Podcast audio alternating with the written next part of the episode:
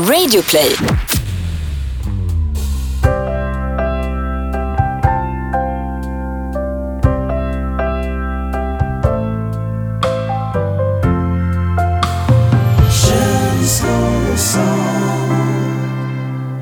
Det luktar ladugård här inne.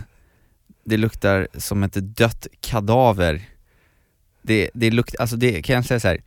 Av, av lukten av din mök, om jag känner då, om jag tar in din, din mök lite så, här, så känner jag på att aromerna de skvallrar om en, en lång eh, utekväll igår. Eh, jag känner även en essens av orolighet, att du, du, har gått och burit på massa nervositet som sen har omvandlats då till en riktig eh, pruttmage. Eh, är det, det, det är någon typ av snabbmat också, mycket flott i den här möken. Det kan ha varit eh, Max, McDonalds, Subway, Subway ja. men det, var ju, det, var, det var ju väldigt nära i alla fall. Ja, ja men en, en sån här riktig håll käften-mök som tar död på alla andra dofter.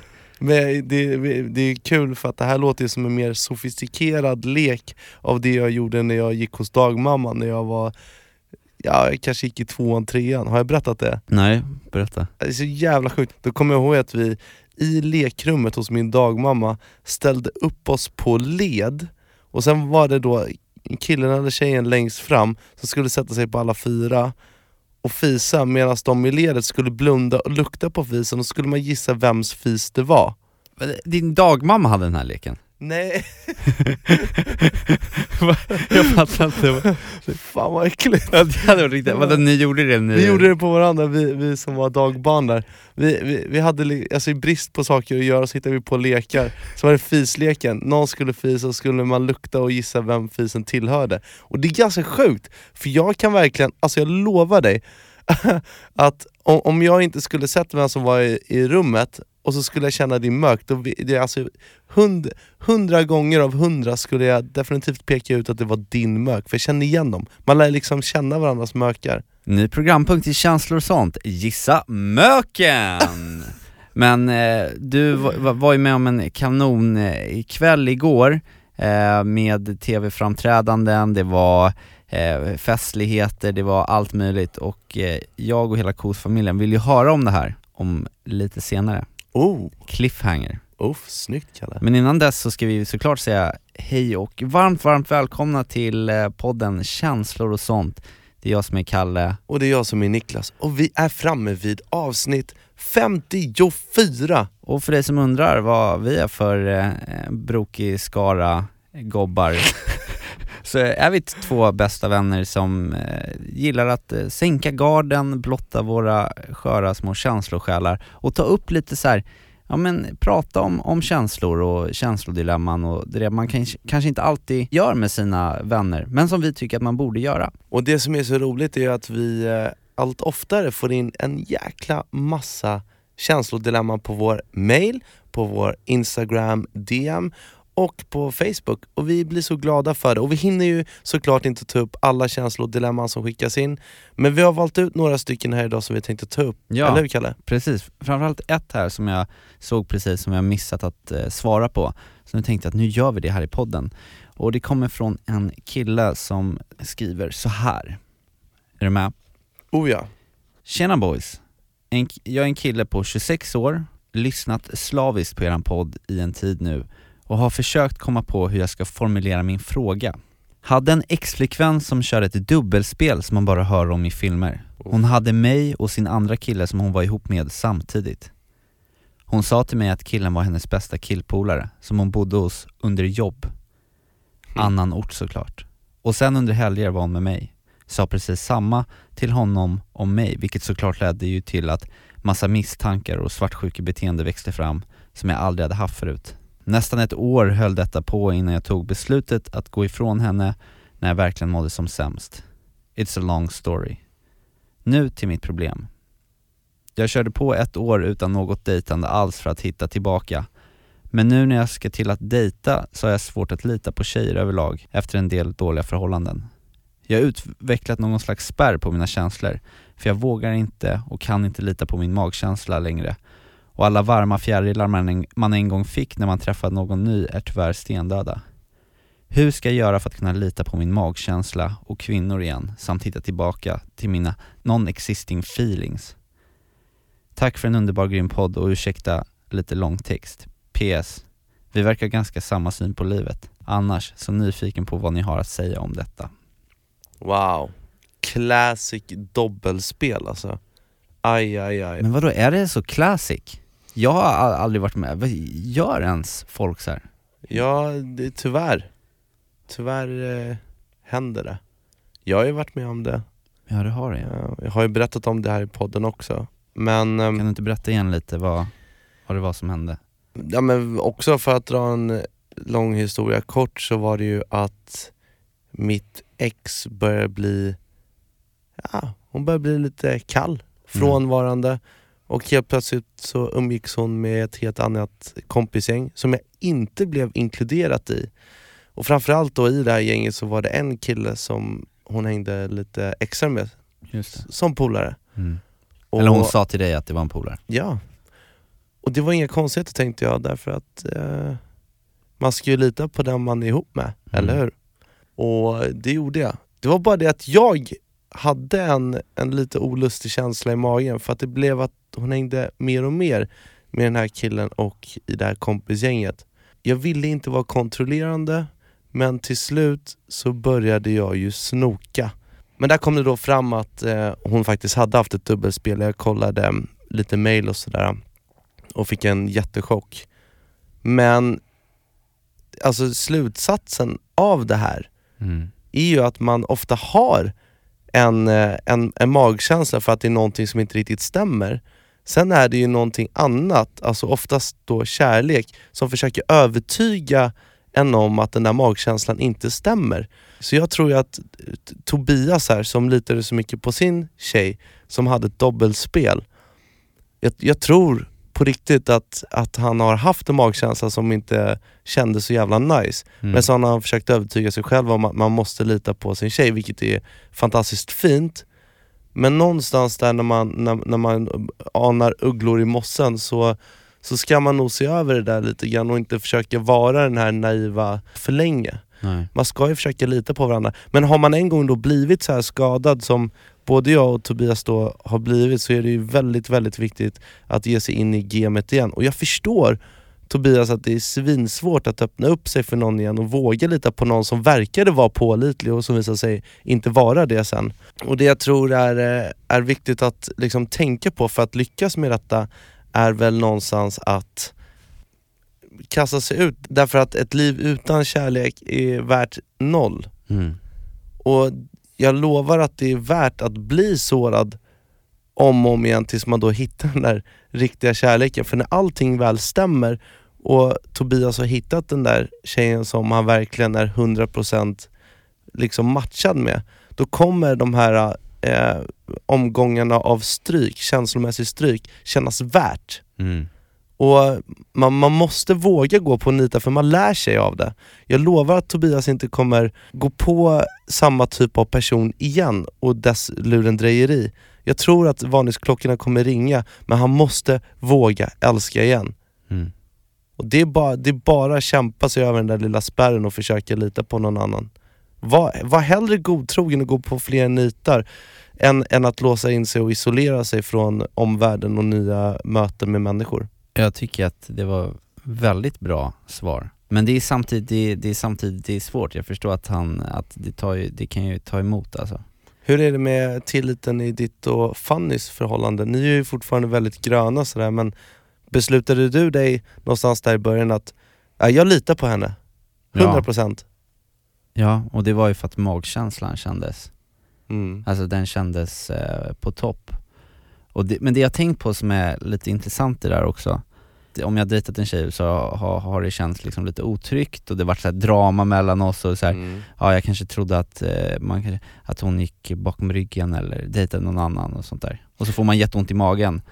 Och då har jag tolkat de känslorna lite som att, åh jag är så kär i henne att jag måste vara med henne och, och känna mig otrygg. Det, det skapar liksom istället för såna kärleksfjärilar så, så, så skapar det osunda cravings, besatthet. Och man förväxlar besatthet med kärlek. Med, med kärlek och förälskelse. Ja. Och när, sen jag träffade min tjej så har, jag, inte- har inte haft någon sånt för jag känner mig så himla trygg mot henne, med Mm. henne och vi, eh, vi pratar om allt och kan vara liksom helt öppna. Så den grejen har jag inte känt någon gång. Min, eh, min mamma sa det, Niklas, du vet när det är rätt, när det känns lätt. När det känns lätt ja. Jag, jag håller med, nu Mm. när jag själv känner att jag hittat rätt.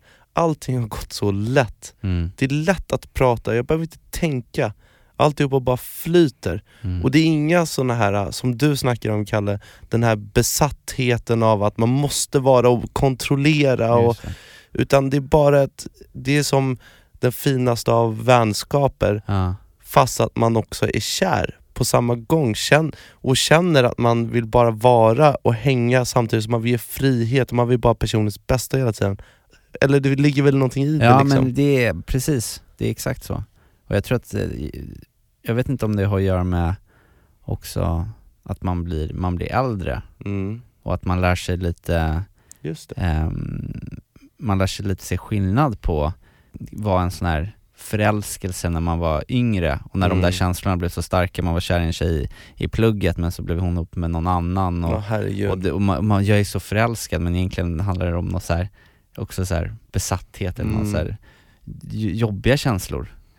Eh, och de har jag inte haft på ett annat sätt men snarare att det växer fram en, en stark eh, liksom, vänskap och Ja, och ett lå- samarbete liksom. Mm. Och det låter, ja verkligen, man blir ju ett team. Och det kan ju kännas så här klyschigt att säga också, men det här när det är riktig kärlek, det växer liksom fram och blir starkare och fa- faktiskt på ett djupare plan. Så är det. Det är cheesy, men så är det. Men så är det. Men eh, om vi då ska koka ner några, några tips här till eh, Tobias som har blivit eh, heartbroken. Så för att han ska kunna ge sig ut och lita på tjejer och våga dejta nya tjejer Mm. så är det enkla, eller enkla men det enda rätta. Mm, att, Tobias, om du ska komma över den här spärren, du måste våga älska och du måste våga utsätta dig för kärlek igen. Det finns inga genvägar till äkta kärlek helt Nej. enkelt. Du måste våga och den här spärren kommer att släppa om du bara vågar. Jag lovar. Mm, Men du, jag tänkte på en sak. Mm. För att ehm, det här dilemmat nu som vi tog, precis tog upp med Tobias, ehm, det, det känns som att det, det, ja, men du hade varit med om en liknande sån grej och Mm. eh, ett, ett, ett dilemma, ett problem som tyvärr kanske är ganska vanligt. Mm. Det man sällan tar upp när man pratar om dilemman är ju den andra personen. Mm. I ditt fall ditt ex som var eh, otrogen mot dig med en kompis, och eller Tobias tjej där som körde ett dubbelspel. Mm.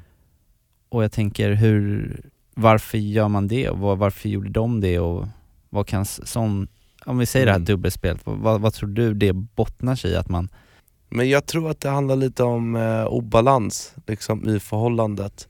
Där den ena personen kanske försöker att det ska vara lugnt och tryggt och säkert medan den andra tycker att det blir tråkigt då och försöker utsätta sig själv mer för spänning. Jag tror personen i fråga som ofta gör dubbelspel känner att det är ganska tråkigt i förhållandet och behöver spänningen. mm. De, det är liksom en obalans där, man har inte hittat det där äh, perfekta flowet i förhållandet helt enkelt. Och därför försöker man väga upp med varandra. Och det vet man ju också hur det kan svänga ett förhållande. ja, Om den ena personen är superlugn och trygg och den andra är lite mer på och, och vill vara hela tiden nära. Och sen helt plötsligt händer det någonting och så är det tvärtom. Så det där kan ju skifta. Men jag tror att det ofta handlar om att man inte hittat en balans och den personen som saknar den här spänningen och vill, vill att det ska hända saker, den personen har nog väldigt lätt för att eh, hitta bekräftelse på andra ställen. Och, men ja, precis, jag tror också någonstans att det ofta en, förmodligen bottnar i att man behöver mer bekräftelse. mm, Man är inte riktigt, kan inte nöja sig, är, eller är inte nöjd eh, med bekräftelsen man får, får från en person. Mm, Så man måste söka den eh, på, på andra håll. mm. Ja, visst. Har, du, har du själv varit med om det? Alltså att du har varit på andra sidan och att du har... Nej, att jag, nej, jag har aldrig varit otrogen eller kört något dubbelspel men eh, ehm, jag har ju dejtat mycket tjejer också och jag har ju, Mm. när jag varit singel då så har jag ju mm, ja, men dejtat fler och sånt där. Mm, Ehm, men jag tycker ju att den bekräftelse jag får nu från liksom mitt förhållande, det är, det det räcker och blir över för mig. Och sen så får jag ju så mycket bekräftelse från mitt jobb och från dig, mina kompisar och allting man, man gör runt omkring. Så det känns väldigt, det känns väldigt lugnt för min del. Kanske är det ju också så att man, man hittar det där perfekta förhållandet dagen när man känner att man är lite mer trygg i sig själv. Du snackade om Mm. det lite innan, att man har ju blivit lite äldre. Just det. Och det är klart man kan göra det när man är yngre också, om man väl har blivit lite trygg och sådär i sig själv. Jag, alltså jag, jag tror bara att Ja, det, men kan det, vara, exakt, det är det en kan, faktor det i kan vara en osäkerhet att, eh, precis att om vi säger Tobias exempel här, hans dilemma, att han kände sig ändå Mm. trygg då till att börja med. Men att eh, tjejen han, han var ihop med inte var kanske helt på det klara, så att Mhm. hon, hon kände att hon behövde utforska liksom.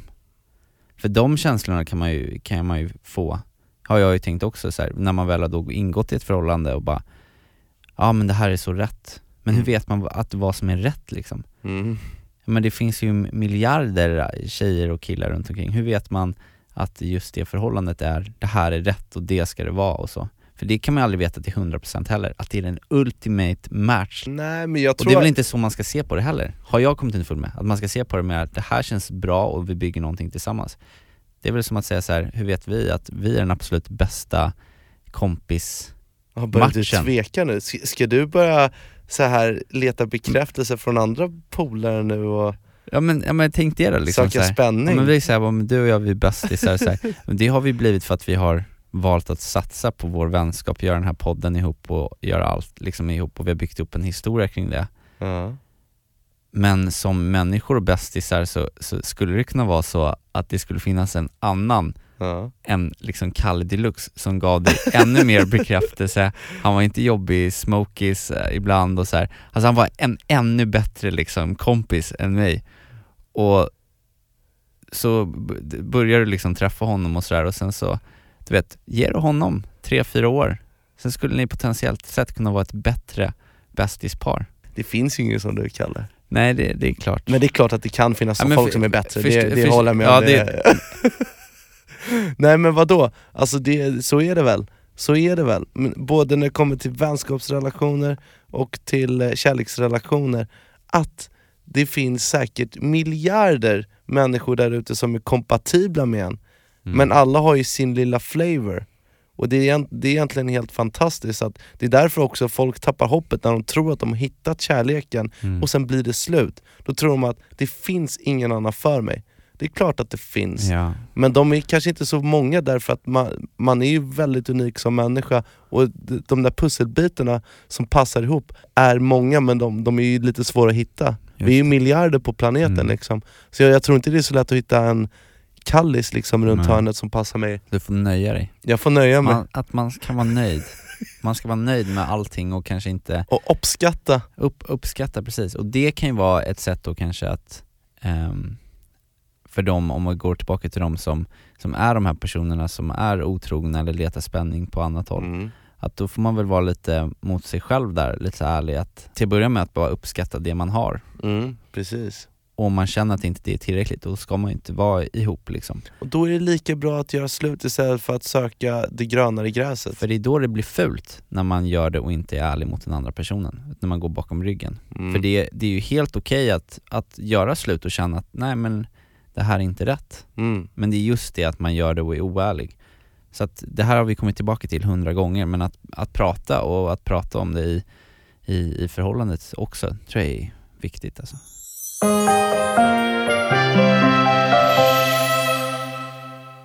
Och nu vill vi ju höra Niklas, igår så stod du på den stora scenen på Gröna Lund, Mm.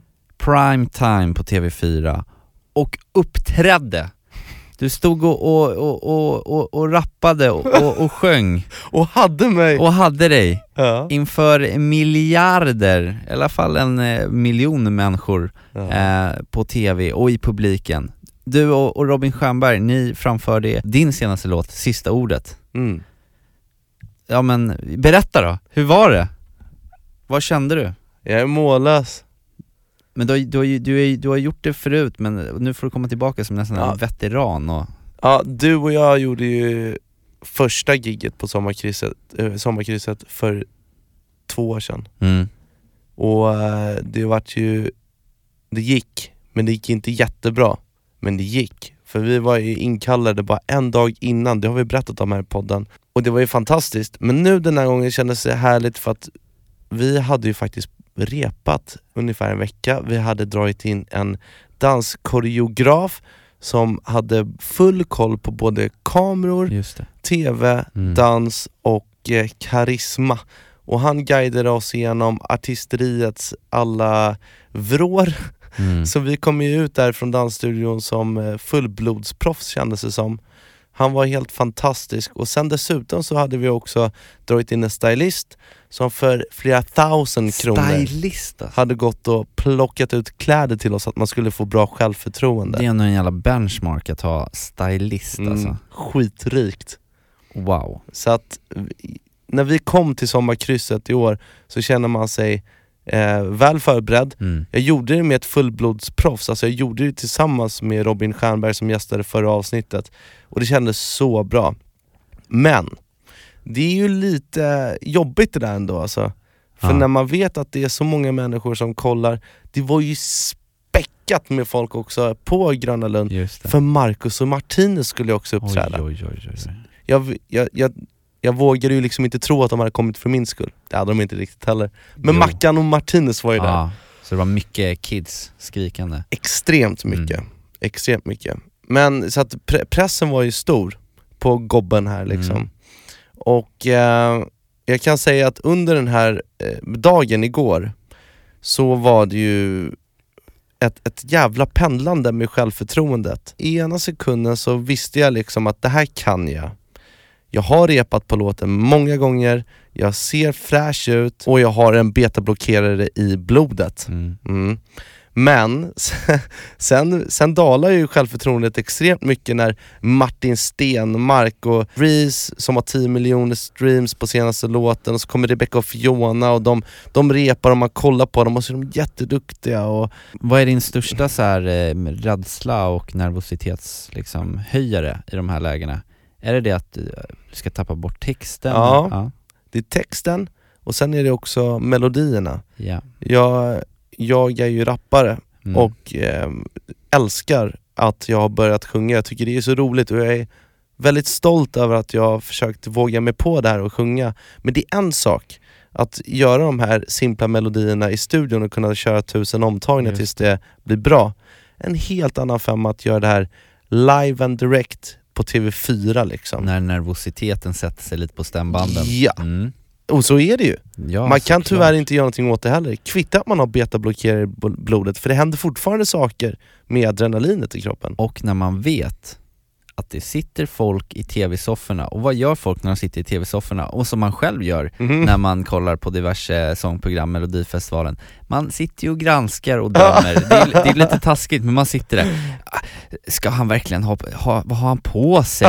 Ja det där var ju inte så bra, och så det är som när man kollar sport också, då tycker man ju att man hade kunnat göra det bättre själv nästan än de som ska uppträda. Det där var inte speciellt bra. Man blir ju granskad av väldigt många och det är ju väldigt naket. Och det är ju fantastiskt modigt att du vågar gå upp då. Det är fan modigt. Det är det. Helvete vad läskigt det är.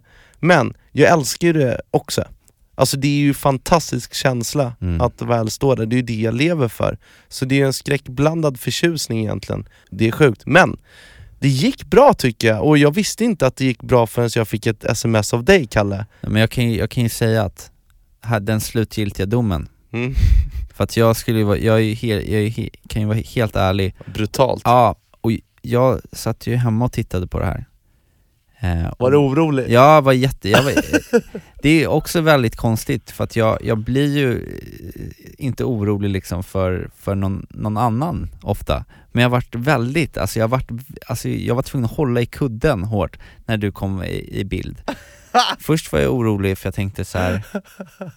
Jag, tänkte, jag, vill, jag vill inte att du skulle behöva, att du skulle behöva känna att du gjorde bort dig. Men direkt när jag såg dig i bild, jag bara wow, shit. alltså jag blev förvånad. Du var så snygg. Så snygga kläder, eh, facet såg jättebra ut, håret var skitsnyggt, alla de här bara åh gud vad skönt. Och sen i uppträdandet, så bara, jag vet ju vad du tycker är jobbigt, det här när du ska ta lite melodier och Mm. toner, att det kan bli svajigt för jag vet ju att Mm. nervositeten kan sätta sig.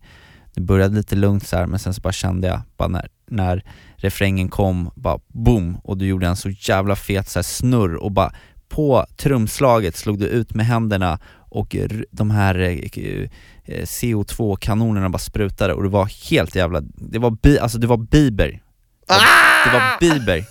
Jag bara fuck vad han satte det. Och alla andra som uppträdde framstod som ett par bleka eh, Panodil-tabletter till skillnad från, eh, från dig som hade karisma, du lyste och du hade bra surr i intervjun, det var så här bam bam bam och du eh, tjoade med publiken och sa kom igen nu och så här.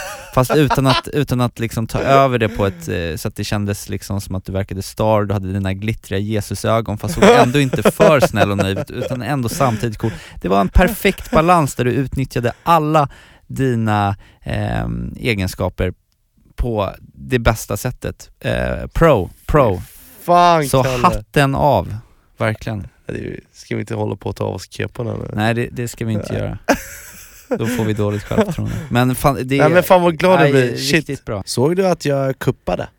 Nej? Marcus och Martinez körde sista låten efter jag och Robin hade kört vår låt.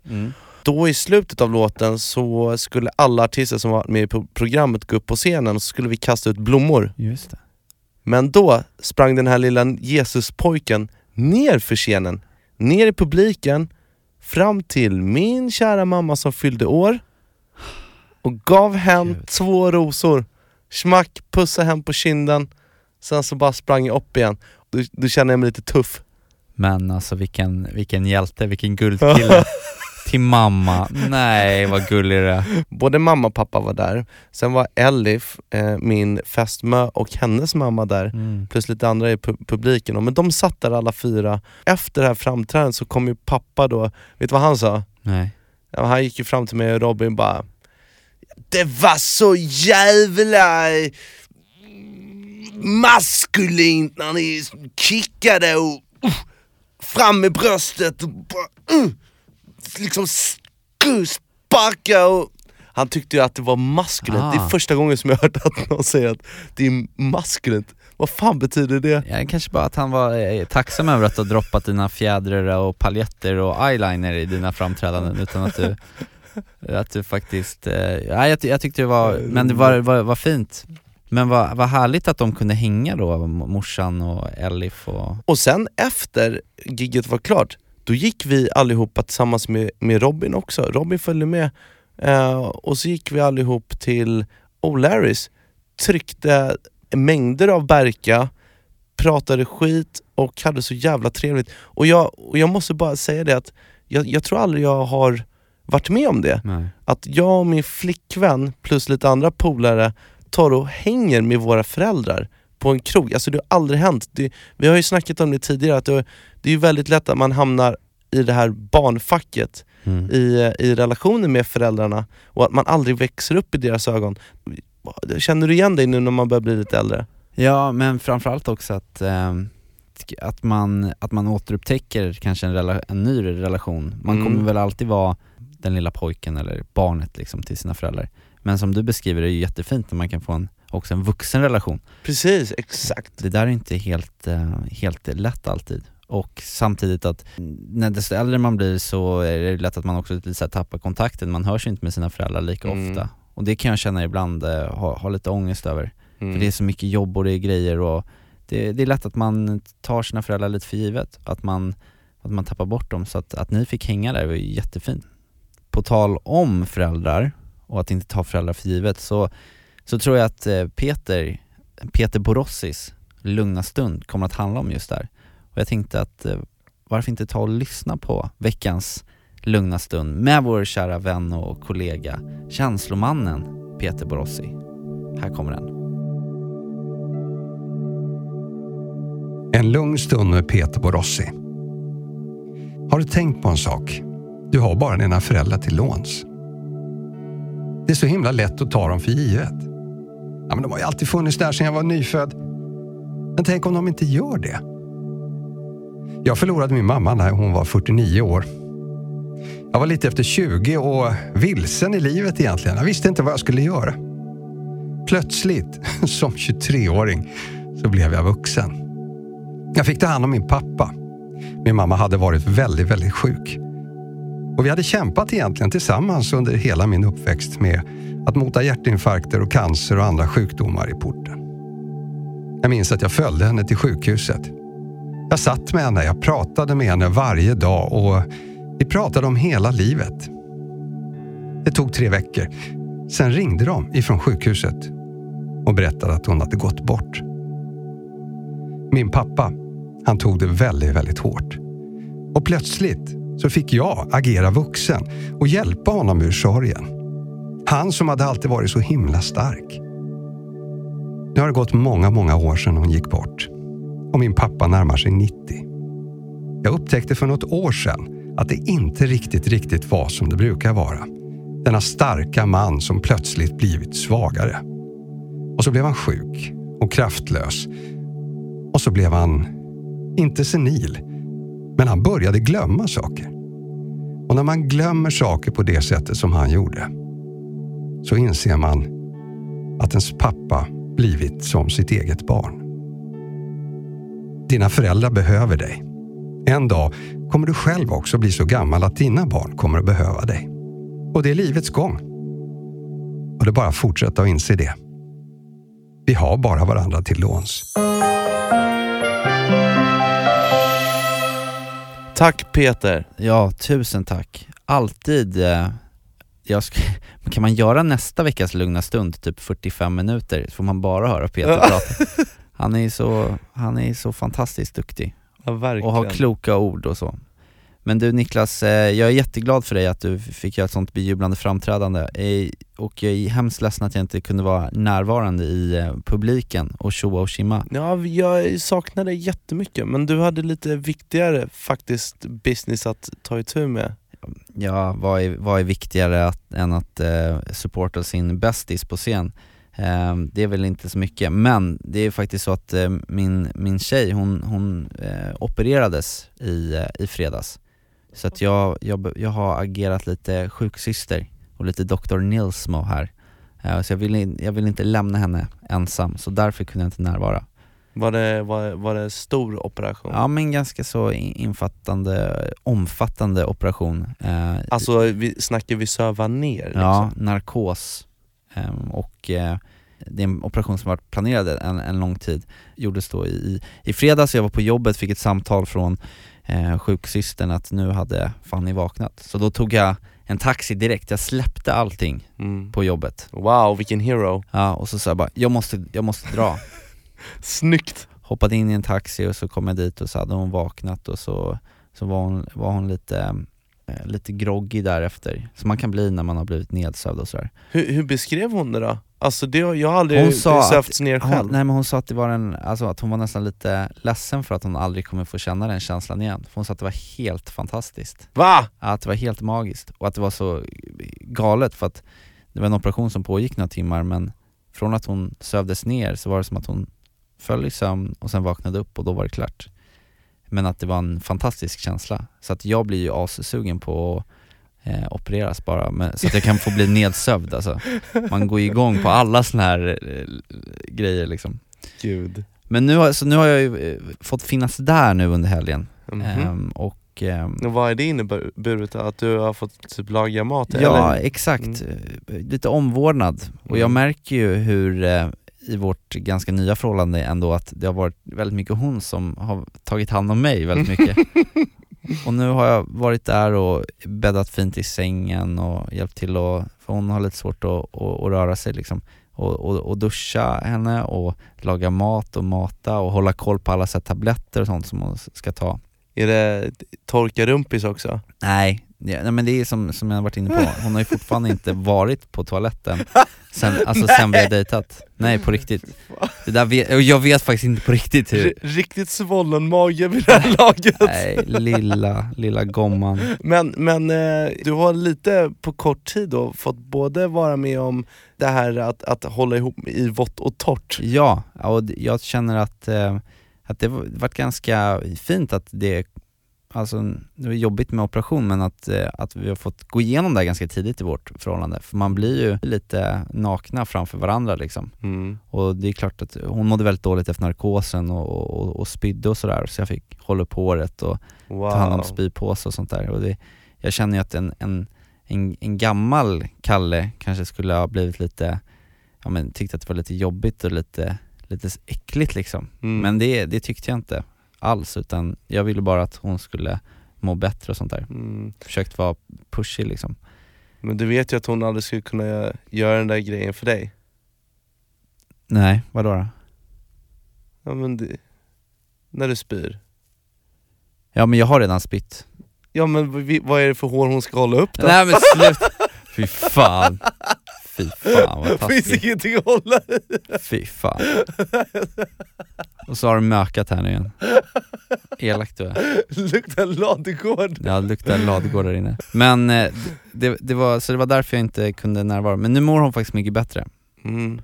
Och eh, jag får en ny chans att se dig och Robin eh, live på tisdag. När ni ska Yay. uppträda på Mix Megapols eh, Unplugged-scen. På ditt jobb? Ja, då tänkte jag vara konferenser också. Så, sk- så ska jag eh, ta igen det här med ditt skämt här i påan. Ska jag säga. Välkommen på scen, fantastiska Robin Stjernberg med det fina håret och hans lite tu- mer tunnhåriga kompis, rapparen, hiphopparen från Habo, Nailo! Fan vad du ska få ihjäl oss. Hej då! Hej då! Nu måste du vara helt ärlig. Mm. Eh, är det du som har skapat vår eh, känslor och sånt fanpage på Instagram? Fan vad kul att du säger det, för jag skulle precis fråga dig exakt samma sak. Jag trodde det var du.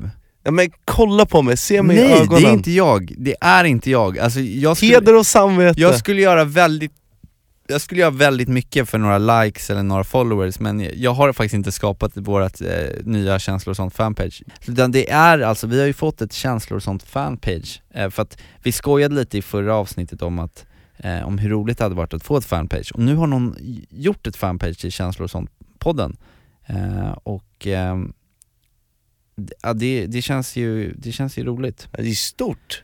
Den heter kanslor och sant.fanpage Wow. eh, och har 29 följare. Uff.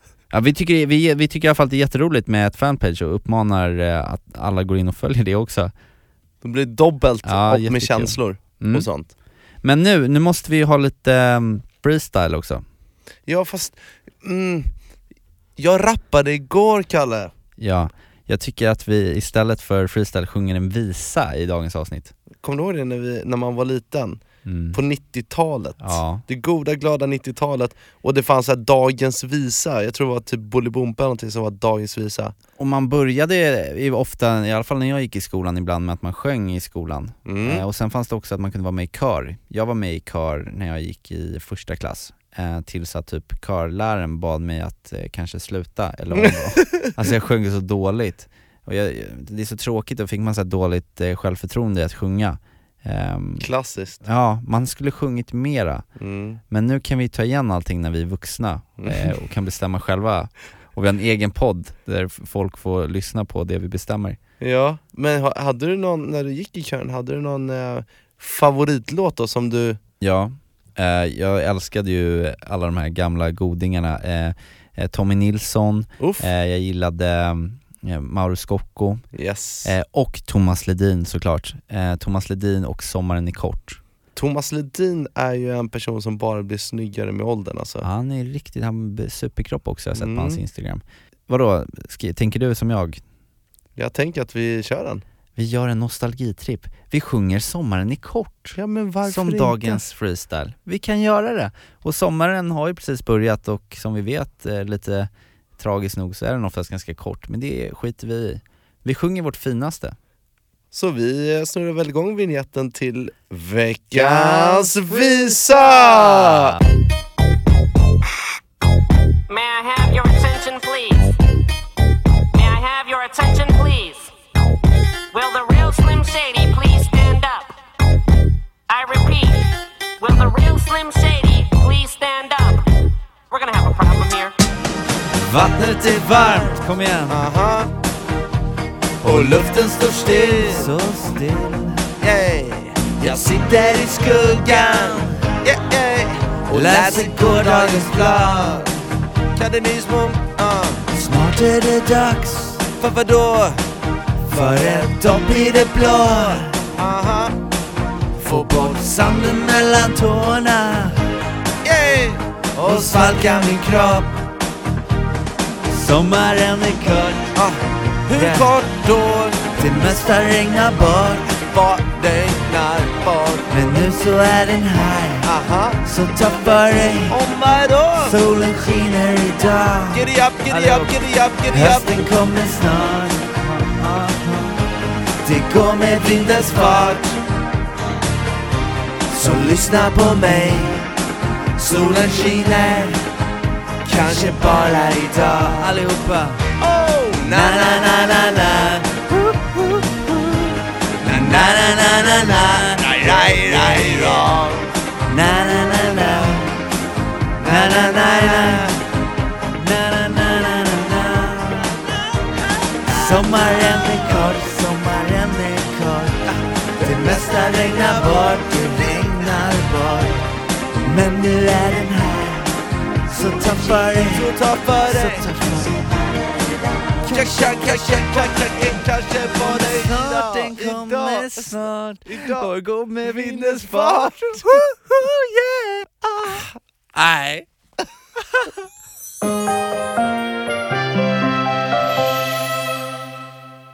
Ja, hur kändes det att att sjunga igen då, Kalle? Jag, jag känner så här att eh, jag kan sjunga många oktaver och min falsett är väldigt bred.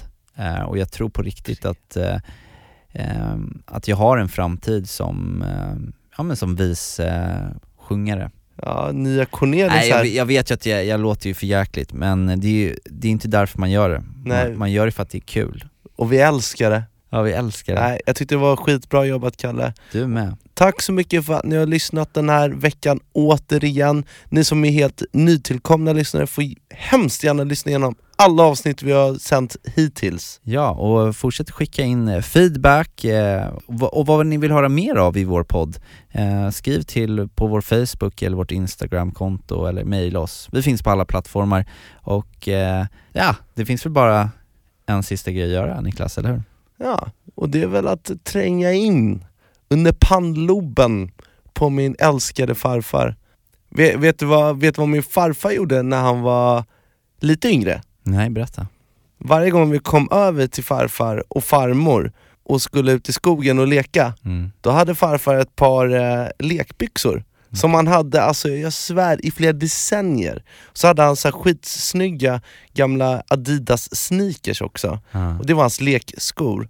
Och eh, jag älskade när farfar tog på sig de här byxorna och de här skorna för då visste man att nu ska vi ut på äventyr. Ofta handlar det om att kicka boll men också ibland att dra ut på, på stranden, sitta där eh, och dricka saft medan farfar tar upp en liten, liten nobbe. Njuter av livet. Och han sa precis som nu bara en enda sak. Han sa Hej då! Står man nådde där på stranden utan strumpor och skor. Barfota i sanden, det är knappt man tror det Man gör det man borde, allt det där man annars ångrar att man aldrig gjorde. Man är helt betagen, vill ju fånga dagen. Man vill också vara en av alla herrarna i hagen. Och inte som Söderman som många fram i skutan. Det blir som en signal när han rycker i tutan. Vad är det då jag får skåda? Blicken den fastnar som skägget i en låda. Jag satt den i gatan, herre jävla mina gudar. Visste inte att det fanns så många sköna Var brudar det inte du som sa Det det? är så här man vill ha det, man vill inte sitta inne som någon gammal För det är nu det händer, det är nu det Det vänder är dags att inte alla klippor och stränder sommaren, allt får liv igen. Här kommer sommaren. Den dyker upp som en gammal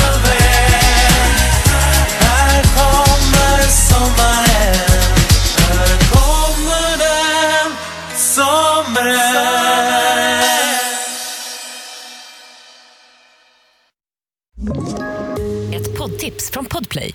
I podden Något Kaiko garanterar östgötarna Brutti och jag, Davva, dig en stor dos skratt. Där följer jag pladask för köttätandet igen. Man är lite som en jävla vampyr. Man har fått lite blodsmak och då måste man ha mer. Udda spaningar, fängslande anekdoter och en och annan arg rant. Jag måste ha mitt kaffe på morgonen för annars är jag ingen trevlig människa. Då är du ingen trevlig människa, punkt. Något Kaiko, hör du på Podplay. Därför är gardinerna.